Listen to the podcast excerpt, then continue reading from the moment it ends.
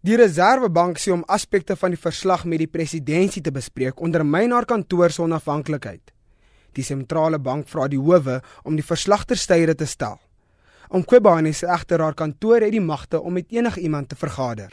So what I need to put on record is that nothing is stopping the public protector to meet any person including the president, including SSA, including Andile, including DA, or including any person during my investigation.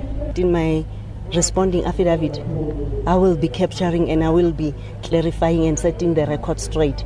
Because now it's so concerning as well that you find such papers in the media when the, that is managed through the office of the deputy judge president. Regskenners glo egter die Reserwebank se saak om hulle mandaat te beskerm is versterk. 'n Regsprofessor by Monash, Tsepo Mongalo, sê die inligting wat deur die openbare beskermer verskaf is, lyk onvoldoende. Die sentrale bank sê ook die openbare beskermer het nie die transkripsie van die vergadering met die staatsveiligheidsagentskap bygevoeg nie.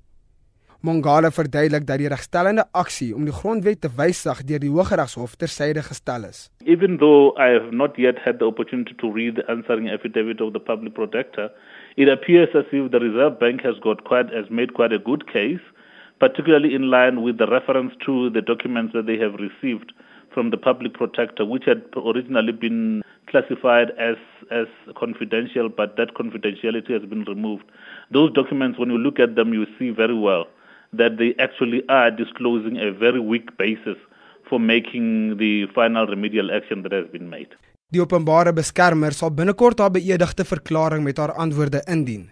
Daar word ook verwag dat Mqobane in haar eetverklaring sal aanvoer hoe die hofpapiere aan die media gelek is.